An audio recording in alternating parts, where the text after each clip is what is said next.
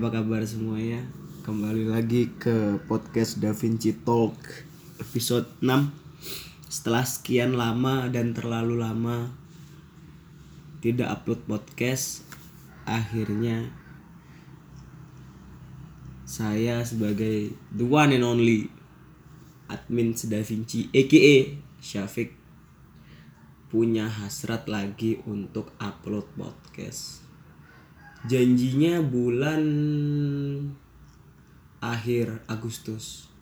Tapi karena ada transisi yang begitu luar biasa terjadi di hidup saya, akhirnya saya baru bisa upload September ini. Buat kalian yang baru bergabung, terima kasih banyak sudah hadir di sini. Semoga kebaikan dan energi baik selalu melingkupi alam bawah sadar dan alam atas bawah sadar alalalah kalian pokoknya semoga sehat selalu tetap barbar tetap screenshot jangan dan jangan lupakan Kang Galon. Di judul ini saya ngambil tema oh iya saya sendiri. Jadi kemarin benar-benar pisah sama Faizi sedih sekali. Zi tetap baik-baik di sana ya Zi. Walaupun bukan aku penyebabnya. Aduh banyak noise di luar. Soalnya aku yang rekam seadanya laptop. Auto mas mas ya cuma seadanya HP laptop gak ada mixer gak ada mikrofon yang mungkin nanti seiring berjalannya waktu aku akan melengkapi semuanya tapi ya dari transisi besar di hidupku kemarin setelah Agustus September hanya ini yang aku bisa persembahkan 20 minutes in a forward uh, aku sendiri dan aku akan menjelaskan di sesuai judul Menulis itu hanya untuk orang-orang yang takut. Menulis itu hanya untuk orang-orang penakut. Kenapa? Bukankah orang-orang hebat itu menulis? Bukankah orang-orang hebat itu melahirkan banyak karya? Bahkan saya sendiri pun akan segera merilis buku di bulan ini. Jadi gini, teman-teman Esda Pinjer, kaum screenshot Algalon wal Janda Crispy. Menulis itu untuk orang-orang yang takut Orang yang takut keberadaannya sia-sia. Orang yang takut keberadaannya hanya sementara dan tidak bisa selamanya. Menulis hanya untuk orang-orang yang takut. Takut mereka tidak bisa berperan besar jika tidak menulis. Takut mereka tidak bisa mengabadikan dirinya dalam aksara dan lembar-lembar kehidupan dalam tulisan. Juga tulisan dalam kehidupan.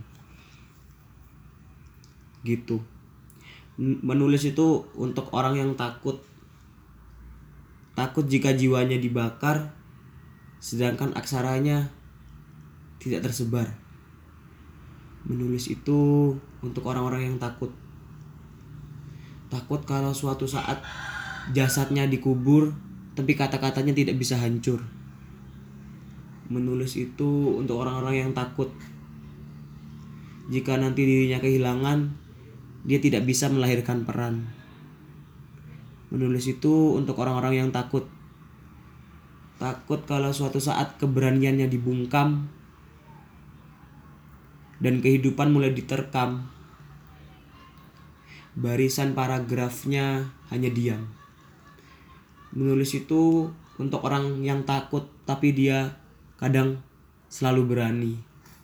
Dia nggak bisa ketika punya ide diletakkan di kepalanya saja terus usai dan terus selesai nggak bisa dia ingin mengambil kertas atau laptopnya atau note-nya atau blok note-nya diabadikan dia simpan. Ada yang disebarluaskan ada yang untuk dirinya sendiri. Kadang saya pun begitu. Nulis sekenanya menulis. Yang kalian lihat di Instagram, di Twitter, di Medium itu hanya 50% saja dari tulisan saya. Oh enggak. Bahkan 25% 50% ini untuk penerbit. Untuk buku saya. Nanti buku saya bicarakan sebelum 20 menit ini. 20 menit aja jangan panjang-panjang. Uh, 25% saya kerahkan di sosial media. Saya sebarkan di uh, September aksara Agustus postingan saya yang berbahasa Arab tiap hari. Walaupun bahasa Arab saya sering salah maafkan. Saya masih belajar. Di Twitter di Medium Blogspot Wattpad itu hanya 25% 50% untuk penerbit saya. Uh, nanti udah ada rencana untuk buku selanjutnya. Buku tamu udah pre-order kamu. Kemudian 25% saya simpan sendiri. Di jurnal saya di kertas coklat yang bersampul Iron Man. Karena saya suka sekali Marvel dan kecewa Spider-Man keluar. Sungguh melukai hati saya. Entahlah saya akan melihat Marvel Phase 4 atau enggak. Nggak tahu saya benar-benar kecewa. Terlalu banyak series. Spider-Man keluar Iron Man udah mati mau ngapain? Mau lihat di Eternal terus mau lihat Black Widow lagi. Natasha udah mati baru difilmin Kayak nggak masuk akal banget sama Kevin Feige. Ya, mending lihat Gundala walaupun CGI-nya berantakan. Tapi good job untuk film Indonesia semoga terus berkembang. Gundala hebat saya suka sekali. Walaupun CGI-nya patirnya pecah. Ya saya bebas mengkritik kan. Saya karya saya juga bebas dikritik. Kritik ya hak segala bangsa oke lanjut lagi tadi. Uh, 25% saya kerahkan di sosial media. 50% saya berikan untuk penerbit. 25% saya simpan di jurnal saya. Kadang itu tentang tulisan yang sensitif. Sensitif sekali bagi saya bagi untuk orang lain. Tapi saya tidak bisa menahan hasrat saya untuk menulis. Karena ya nulis nulis aja gitu. Apa yang ada di kepala berisi kata-kata kotor, kata-kata kasar, kekerasan.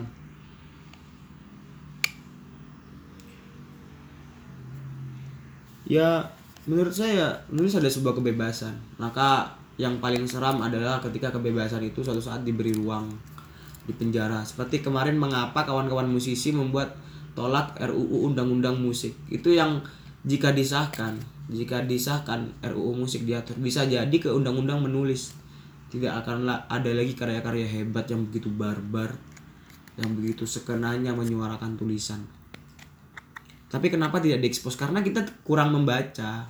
Lingkup bacaan kita hanya terkungkung di situ-situ saja. Pop membaca pop sastra membaca sastra. Jarang sekali ada yang bersilang pop ke sastra sastra ke pop. Sekalipun itu ada itu akan menjadi sesuatu yang luar biasa. Dan menghasilkan karya-karya hebat yang bisa dijual di lapak pop di toko buku anak-anak gaul di mall sana juga di, di, dijual di toko-toko buku indie. Itu menurut saya goals dari sebuah karya. Di mana ketika menulis buku bisa dijual di toko buku yang mereka memiliki space sendiri seperti di Keneruku, buku Akik atau di Posanta. Juga bisa di, di, di Gramedia atau bahkan di translate ke bahasa asing. Itu menurut saya sebuah karya pencapaian yang luar biasa. Doakan saya suatu saat bisa seperti itu. Walaupun itu akan mengandung riset yang sangat berat sekali. Bahkan terakhir saya tahu aroma karsa punyanya kak Dewi Lestari. Di saya udah baca itu 600 500 halaman. Bahkan mereka membuat buku keduanya itu di balik layarnya aroma karsa tentang penelitiannya. Kalian bayangkan aku sangat merekomendasi kalian untuk membaca itu. Kalian bayangkan bau sebuah bau dalam parfum bisa menjadi cerita pusaka yang dideskripsikan jelas di dalam buku itu otak saya nggak nyampe entah saya yang bodoh atau mbak D yang terlalu pinter. Saya aku saya bodoh dalam hal ini itu ah. Itu menurut saya termasuk lima novel terbaik yang pernah saya baca. Kok bisa itu dan itu layak diberi apresiasi. Bahkan seharusnya berjejer di rak bestseller toko buku seluruh dunia. Ya berlebihan mungkin. Tapi menurut saya itu layak nah, itu jadi pembagian porsi karya saya segitu. Terus yang menarik kemarin begini tadi saya berbicara tentang sastra dan pop. Saya oke okay, masuk sedikit ke dalam kehidupan saya. Saya mengalami transisi besar dalam hidup di bulan Agustus September ini. Dari kuliah yang A ke yang B saya masuk ke jurusan hubungan internasional. Lantas dengan tulisan saya nggak semua kok orang menguji dengan karya saya nggak semua ke orang mengapresiasi enggak. Ada yang mencari kesalahan ada yang pura-pura melupakan di belakang memuji di depan mengabaikan. Jujur saya jujur saja saya tidak butuh pujian. Yang saya butuh adalah kalian beli bukunya. Nggak. Apresiasi ruang apresiasi dalam seorang apa membuat karya itu penting sangat penting. Itu akan memutuskan ia akan akan lanjut berkarya atau tidak dalam sebuah ruang apresiasi itu. Tapi ya kita juga tidak bisa memaksa apresiasi. Siapa sih nggak senang diapresiasi? Kan gitu. orang itu saya menyebutkan orang itu dekat dengan saya malah melipir dan mencibir juga julid mengapa saya mengambil kuliah jurusan hubungan internasional mengapa kamu tidak sastra? Dia tidak pernah menulis dia tidak pernah terlibat dalam dunia tulisan. Dia tidak pernah cakap dalam dunia tulisan. Mereka hanya dia hanya mengkritik saya seolah dia paling benar. Orang itu bilang saya dan keputusan dan yang mengambil keputusan di sekitar saya itu kurang benar bodoh segala macam. Jujur saja saya saat itu menahan emosi. Jika tidak sedang di tempat yang ramai mungkin bisa terjadi keributan mereka bilang saya dan orang-orang sekitar saya bodoh mengapa mengambil jurusan yang saya pilih saat ini? Kan saya bisa menulis mengapa tidak mengambil sastra? Itulah. Itu orang-orang yang tidak tahu. Itu orang-orang yang bodoh. Dia sendiri yang bodoh. Bahkan saya berbicara kepada penerbit saya sendiri. Sastra itu mulai ditinggalkan dan berganti dengan genre pop. Ya sastra, ya kita tidak bisa semena-mena mendestruksikan bahwa sastra itu mulai jelek. Saya pun mencintai, saya pun membaca keduanya karena saya ingin suatu saat ingin melahirkan kolaborasi di antara keduanya. Tapi apakah kita harus kuliah sastra kan enggak? Saya yakin semua semua awak literasi di Indonesia pun setuju untuk menghasilkan tulisan kita nggak harus kuliah sastra enggak saya pun di hubungan internasional membaca bahkan papernya pun bah banyak sekali nanti, siang saya akan mulai kuliah dan merasakan first experience di kelas. Dan saya akan membanting omongan orang itu. Jadi begitu. Menulis itu untuk orang takut yang paling berani. Berani melawan konsesi manusia-manusia semacam itu. Kamu harus selalu siap untuk uh, menangkal. Ketika kamu berkarya diapresiasi dipuji dihina diabaikan harus selalu siap. Hidup adalah soal mengambil resiko anggap saja mereka yang melemparimu batu ambil. Jadikan tangga untuk untuk naik ke atas. Teman saya namanya Roji Alaufa dia buat brand namanya Brick Brick artinya bata. Itu yang dia itu dia buat filosofi. Jadi ketika orang melemparimu bata jadi kan dia tangga untuk naik ke depan naik ke atas. Omongan orang itu cuma sampai pangkal ujung lidahnya saja. Setelah itu selesai kamu ya kamu kamu membawa dirimu kamu mengorganisasi dirimu kamu menggeneralisasi dirimu. Mau kamu mau buat apa kek mau kamu memperdalam apa kek. Orang-orang di sekitarmu hanya bisa mendukung dan mendoakan sisanya menghina. Kamu yang membuat kamu. Aku sebagai ya admin gitu. Tiap abis maghrib bingung habis sholat maghrib. Aduh mau mau upload apa nih? Majas majas September mau upload apa nih? Si Da Vinci. Karena resikonya kalau nggak upload ya mungkin engagement Instagram turun. Terus ya emang ada yang nunggu. Saya aku itu. Saya nggak upload waktu kayak ospek itu waktu capek bener-bener capek. Ya gimana? Apa namanya? Selalu ada selalu aja ada yang min gini min gitu. Kalian dan saya mungkin tidak bertemu tapi saya tidak ingin mengecewakan kalian kalau memang kalian mengenal saya dari kata-kata saya berkewajiban kata-kata setiap hari ya saya akan melakukan kewajiban itu jika itu memang dirasa sebuah kewajiban. Menulis hanya untuk orang-orang yang takut. Takut orang-orang sekitarnya hanya mengenangnya sementara. Suatu saat jika saya mati, entah saya akan dikenang sebagai Syafiq atau sebagai Da Vinci nggak paham. Karena saya sampai saat ini menulis di buku saya pun menulisnya Da Vinci bukan Syafiq Zakin. Syafiq Zakin itu di belakang malah. Tulisannya nanti ketika kalian membaca buku tamu nanti saya buat podcast sendiri ya tentang buku tamu kita bahas nanti. Karena saya kebelet banget mau ngomong ini. Saya nulisnya Da Vinci adalah sebuah alter ego dari pemuda tanggung bernama Safik Zakin. Kenapa alter ego? Karena Da Vinci adalah diri saya yang lain. Safik dan Da Vinci sangat jauh berbeda Safik ketawa-ketawa futsal main dan jalan nongkrong. Da Vinci kalem lebay. Ya kalau ada yang bilang lebay. Uh, romantis kadang baperan. Kayak orang sakit kayak orang ditinggal tinggal nikah. Oke. Okay. tapi alter ego just alter ego friend. Alter ego itu diri yang lain. Jadi saya Safik dan Da Vinci adalah satu orang beda manusia satu manusia beda orang satu cerita beda naskah satu naskah beda cerita asik jadi kalau saya bilang, wih baperan nih, baperan nangisan nih, aduh, bodoh amat. Saya menikmati saya menjadi itu, saya menikmati diri saya bipolar. Kalau bisa, kalau memang bi- dibilang bipolar berkepribadian ganda, bodoh amat. Saya menikmati itu, saya bisa mengen- dari situ saya bisa mengenal banyak orang, penerbit, ke awak penerbit, distributor, tim promosi, editor, terus penerbit apa, penulis-penulis baru ke depannya yang memang udah punya nama ataupun belum. Ya saya hanya sekedar akun quote baperan. Tidak lebih dari itu.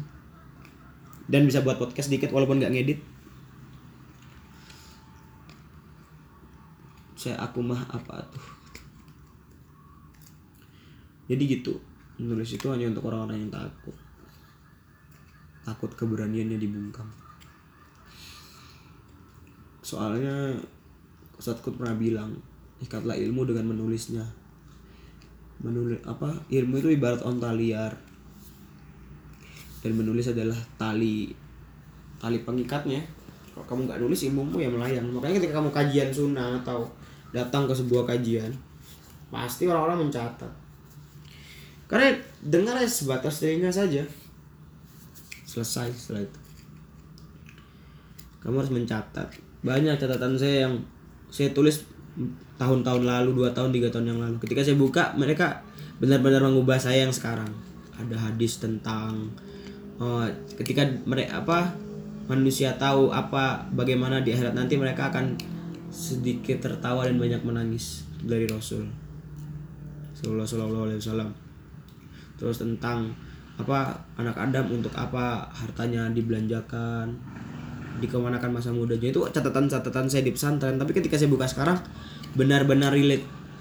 Saya merasa beruntung di pesantren sama 8 tahun 6, 6 plus 2 tahun. Sangat-sangat beruntung ketika menghadapi dunia luar yang begitu bebasnya. Ah, kamu untuk kamu yang di pesantren sekarang jangan pernah merasa rugi. Kamu adalah manusia paling beruntung. Selamatkan bersyukurlah. Saya belajar nulis ya. Belajar apa pun belajar tentang hidup. Kamu nggak kamu nggak harus nulis kok untuk bisa melahirkan karya. Nulis hanyalah salah satu pilihan. Gitu. Udah apalagi? Nulis hanya untuk orang-orang yang takut. Boleh setuju boleh tidak. Setuju. Setuju setuju aja. Tidak ya sanggah saja di kolom DM saya melihat kok semua DM biasanya kalau nggak capek. Kalaupun tidak karena algoritma Instagram sedang bingung-bingungnya. Ada DM terpopuler ada DM semua ada DM umum ada DM utama. Itu bikin lumayan bikin pusing begitu. Mau bicara apa lagi? Dua menit terakhir. Yang order buku tamu sabar ya. Bulan ini akan dikirim juga akan tersebar di Gramedia seluruh Indonesia. Buku tamu bercerita tentang tamu-tamu yang bertemu lantas berakhir semu. Karya pertama saya. Karya pertama. Wow. Bayangkan ketika anak pertamamu lahir. Bayangkan ketika anak pertamamu lahir.